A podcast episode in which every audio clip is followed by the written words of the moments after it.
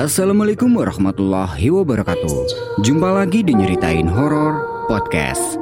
Seperti biasa, pada kesempatan kali ini aku akan menceritakan kisah horor yang akan membuat kalian merinding mendengarnya.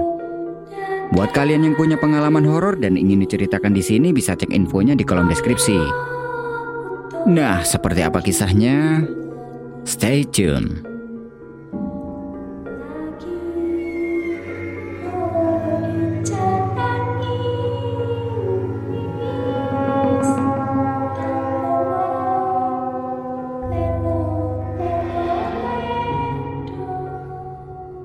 Pagi itu ketika sedang PW di kamar, Ferry didatangi temannya ke rumah. Sebut saja temannya itu adalah Risan. Melihat kedatangan Risan dengan membawa tas carrier, Ferry langsung berpikir, Hmm, ini anak pasti mau ngajakin naik gunung. Tanpa banyak bertanya, Risan langsung mendatangi kamarnya Ferry. Loh, ayo, alat udah pada siap semua nih, tinggal berangkat. Ucapnya tanpa dosa. Sambil pura-pura tidak tahu, Ferry bertanya. Ke mana San? Muncak lah. Ayo keburu malam. Lah, aku nggak ada persiapan apa-apa loh. Pakai persiapan segala, kayak baru pertama kalinya naik gunung aja. Mau naik ke mana emang? Cikurai, cepetan siap-siap.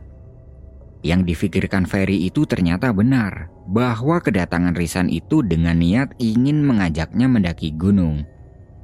Rizan memang orangnya suka ceplos-ceplos kalau ngomong dan selalu begitu kalau mau mendaki, tanpa direncanakan dulu. Katanya, kalau direncanakan jauh hari itu endingnya banyak gak jadinya. Tapi San, aku lagi bokek nih. Tahu sendiri kan aku lagi ngelamar kerja tapi belum diterima. Udah santai aja, akomodasi aku yang tanggung. Wah, kebetulan nih. Daripada nunggu panggilan kerja yang belum tahu kapan dipanggil, Mending refreshing dulu ke gunung. Lagian biaya juga ditanggung Risan.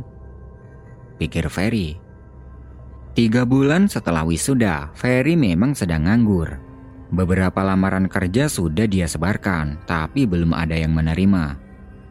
Akhirnya oke okay lah, sore itu Ferry lekas mandi dan menyiapkan peralatan pribadinya. Setelah itu mereka pamit sama ibunya Ferry, kemudian berangkat. Mereka berangkat dengan mengendarai motor milik Risan. Di perjalanan, Risan memberhentikan motornya di minimarket untuk membeli logistik. Nah, ketika akan membayar ke kasir, Risan minta tolong pada Ferry untuk mengambilkan dompetnya yang ketinggalan di motor, di dalam tas. Di sini, ada sebuah kenyataan yang cukup lucu. Ketika Risan membuka dompet, Ferry tidak sengaja melirik dompetnya Risan, dan di dompet itu terlihat ada KTP orang asing. Namanya adalah Muhammad Nasir.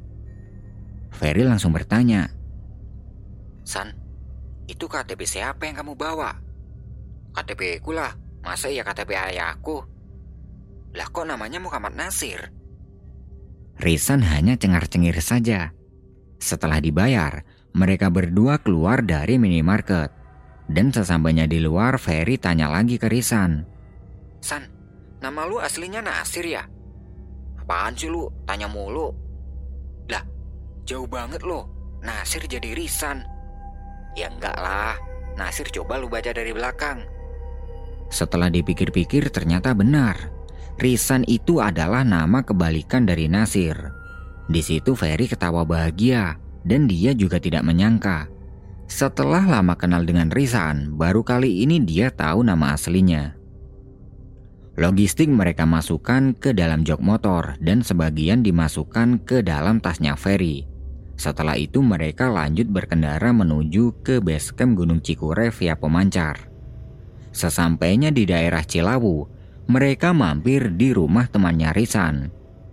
Sebut saja temannya Risan itu adalah Kang Tatang, karena sebelumnya Risan sudah janjian sama dia untuk berangkat bareng ke base camp.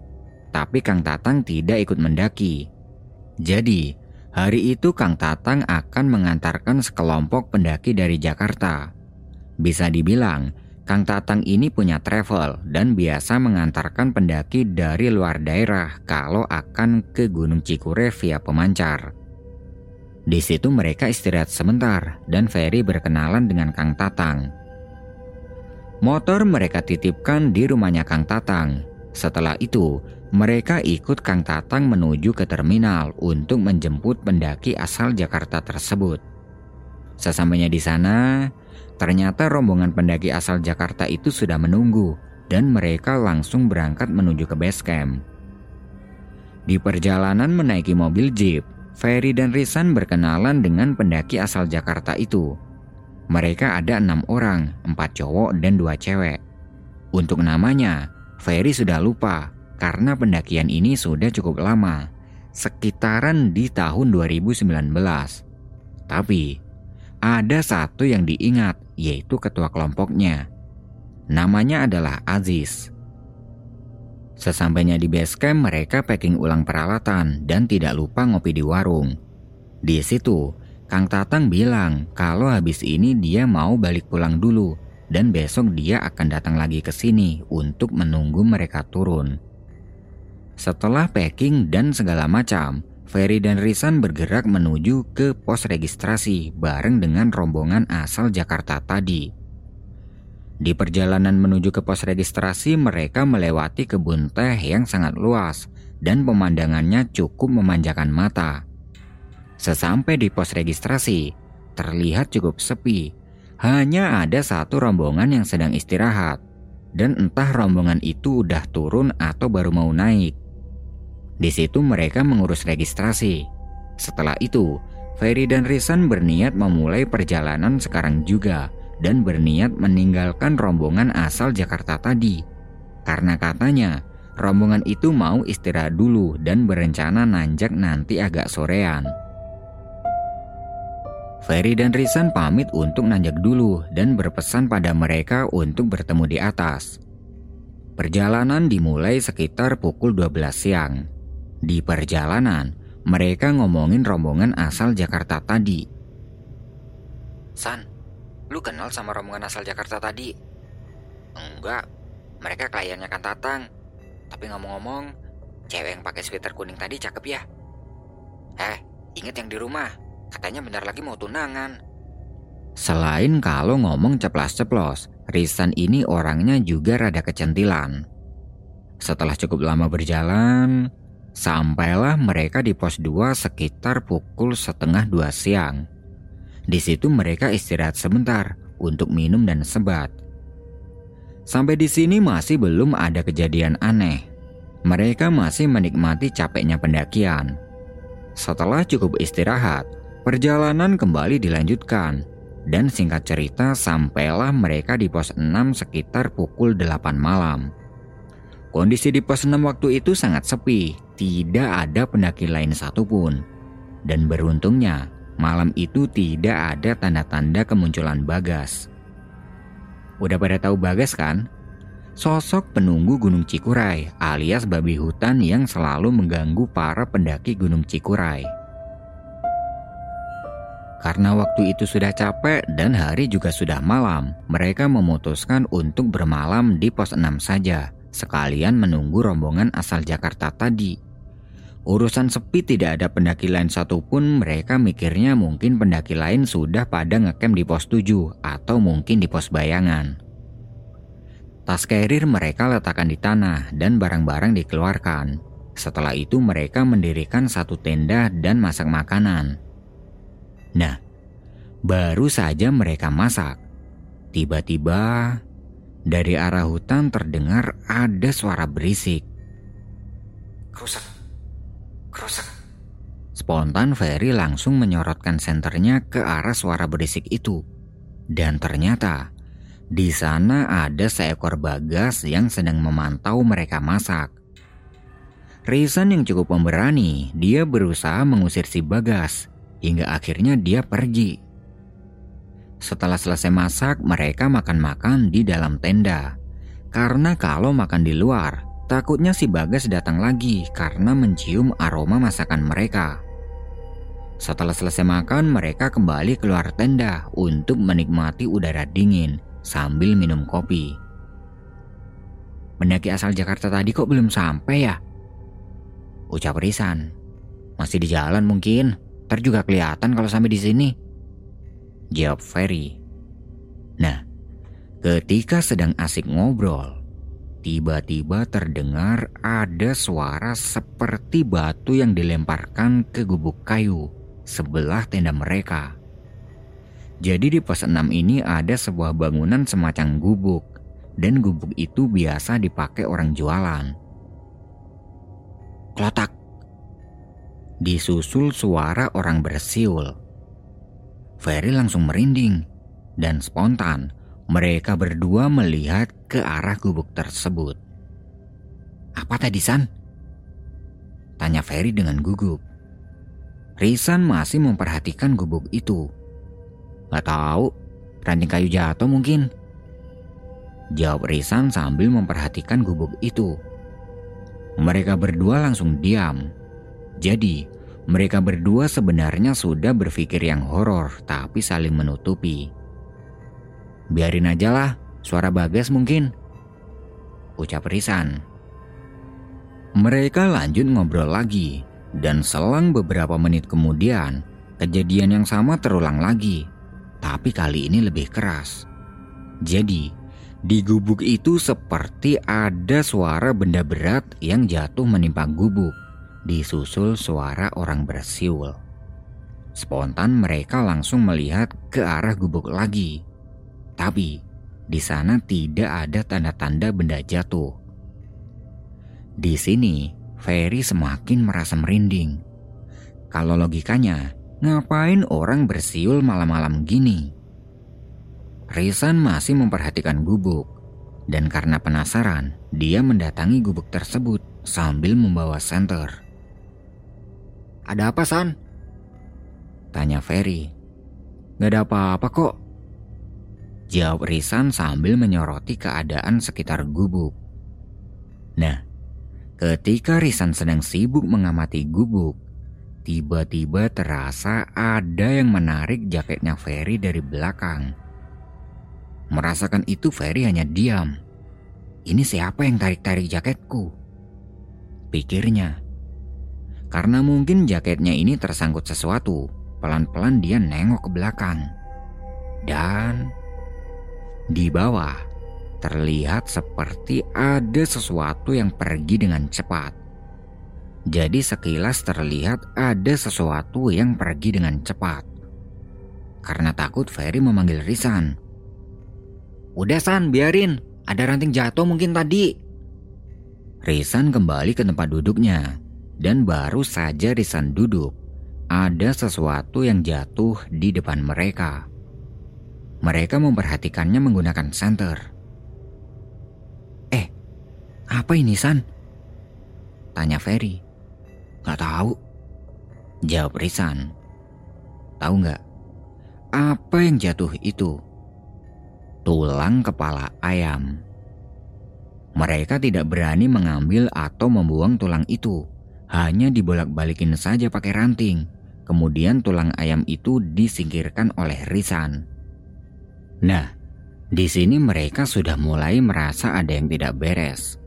Mereka merasa kalau ada yang sengaja berbuat usil pada mereka. Mereka yang tidak kasat mata maksudnya. Akhirnya, mereka memutuskan untuk masuk ke dalam tenda dan tidur. Tapi, sebelum tidur Risan memasang dua senter di kiri dan kanan tenda untuk penerangan dan untuk berjaga-jaga kalau nanti tiba-tiba ada si Bagas yang datang Sekalian nanti mereka biar tahu kalau rombongan asal Jakarta sudah sampai di sini.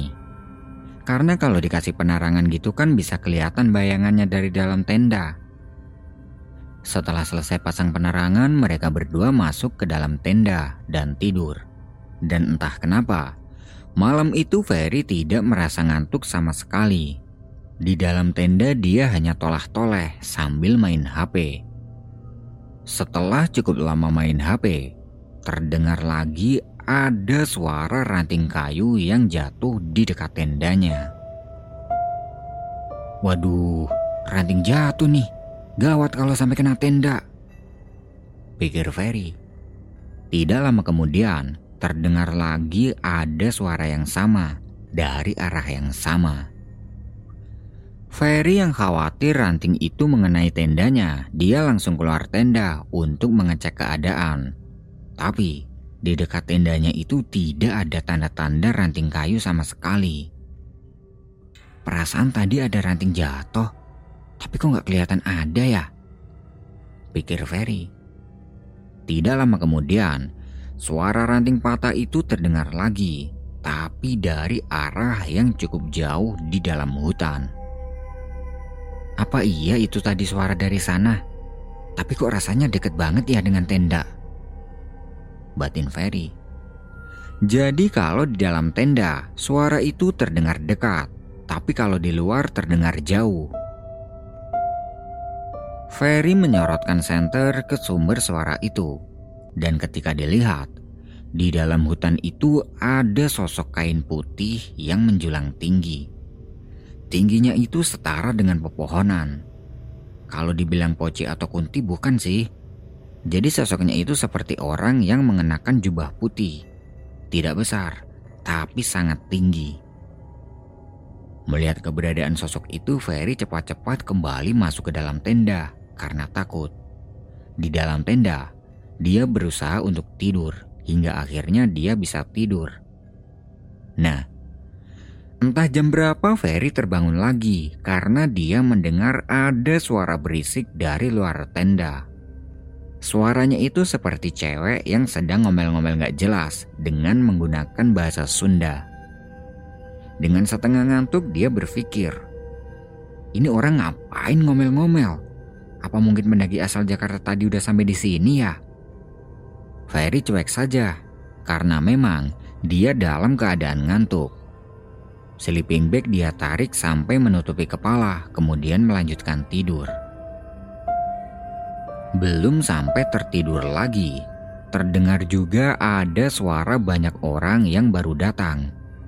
Mereka sedang membicarakan apa gitu Ferry tidak paham dan tidak begitu jelas. Karena memang posisinya dia ini menggunakan sleeping bag sampai ke kepala. Pagi pun tiba.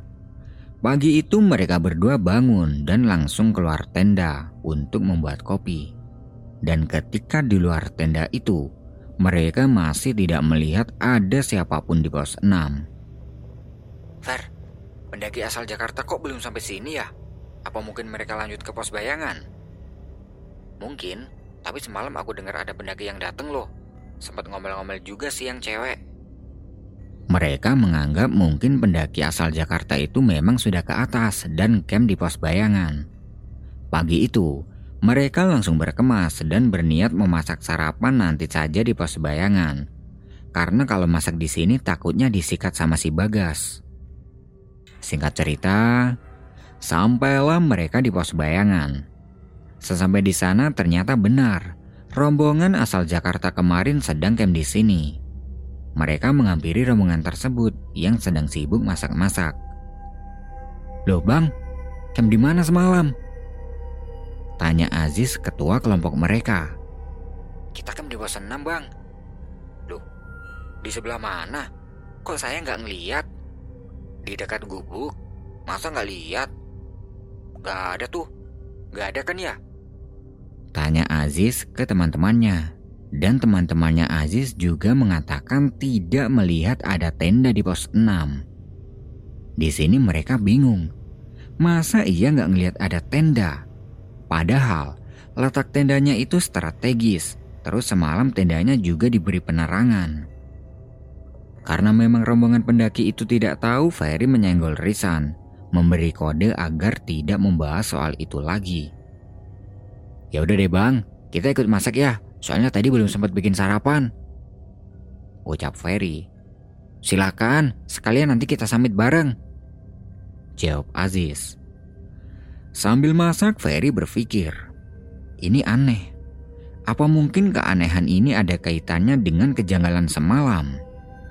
Batin Ferry. Nah, Akhirnya di sini Risan ada kesempatan untuk berkenalan dengan cewek sweater kuning kemarin. Dan ternyata dia adalah adik kandungnya Bang Aziz. Dia masih sekolah, tapi sudah terlihat cukup dewasa. Setelah selesai masak dan makan, mereka pun sama-sama jalan ke puncak. Sesampainya di puncak, mereka menikmati pemandangan seadanya.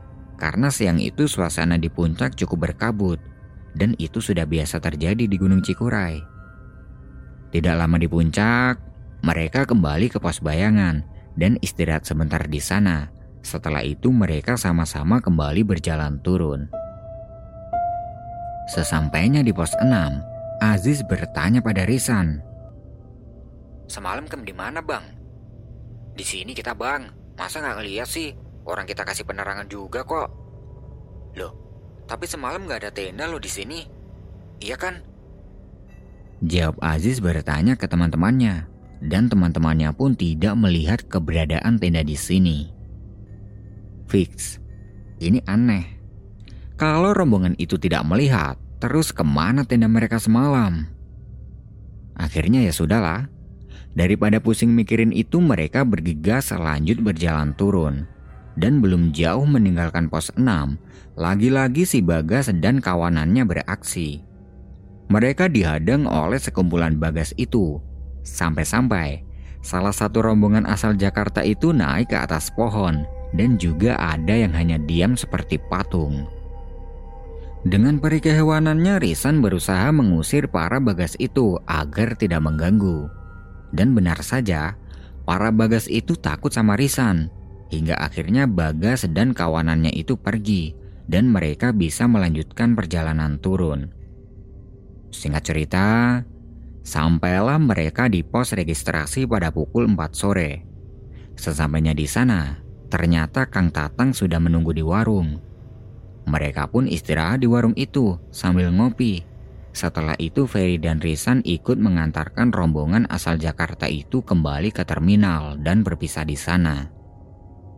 Ferry dan Risan kembali ke rumah Kang Tatang dan menginap semalam di sana. Malam harinya, Ferry menceritakan keanehan yang dirasakan selama di gunung itu pada Kang Tatang. Dan tanggapan Kang Tatang cuman biasa saja. Itu udah biasa mah, Namanya juga di gunung, mungkin mereka mau kenalan sama kalian. Kata Kang Tatang. Singkat cerita, keesokan harinya mereka kembali pulang ke Ciamis dan tidak lupa mengucapkan terima kasih banyak pada Kang Tatang karena sudah mau memberi tumpangan dan penginapan. Nah, itu tadi adalah sebuah kisah horor yang bisa aku sajikan ke kalian semua. Buat yang masih stay, aku ucapin terima kasih dan tunggu kisah horor selanjutnya.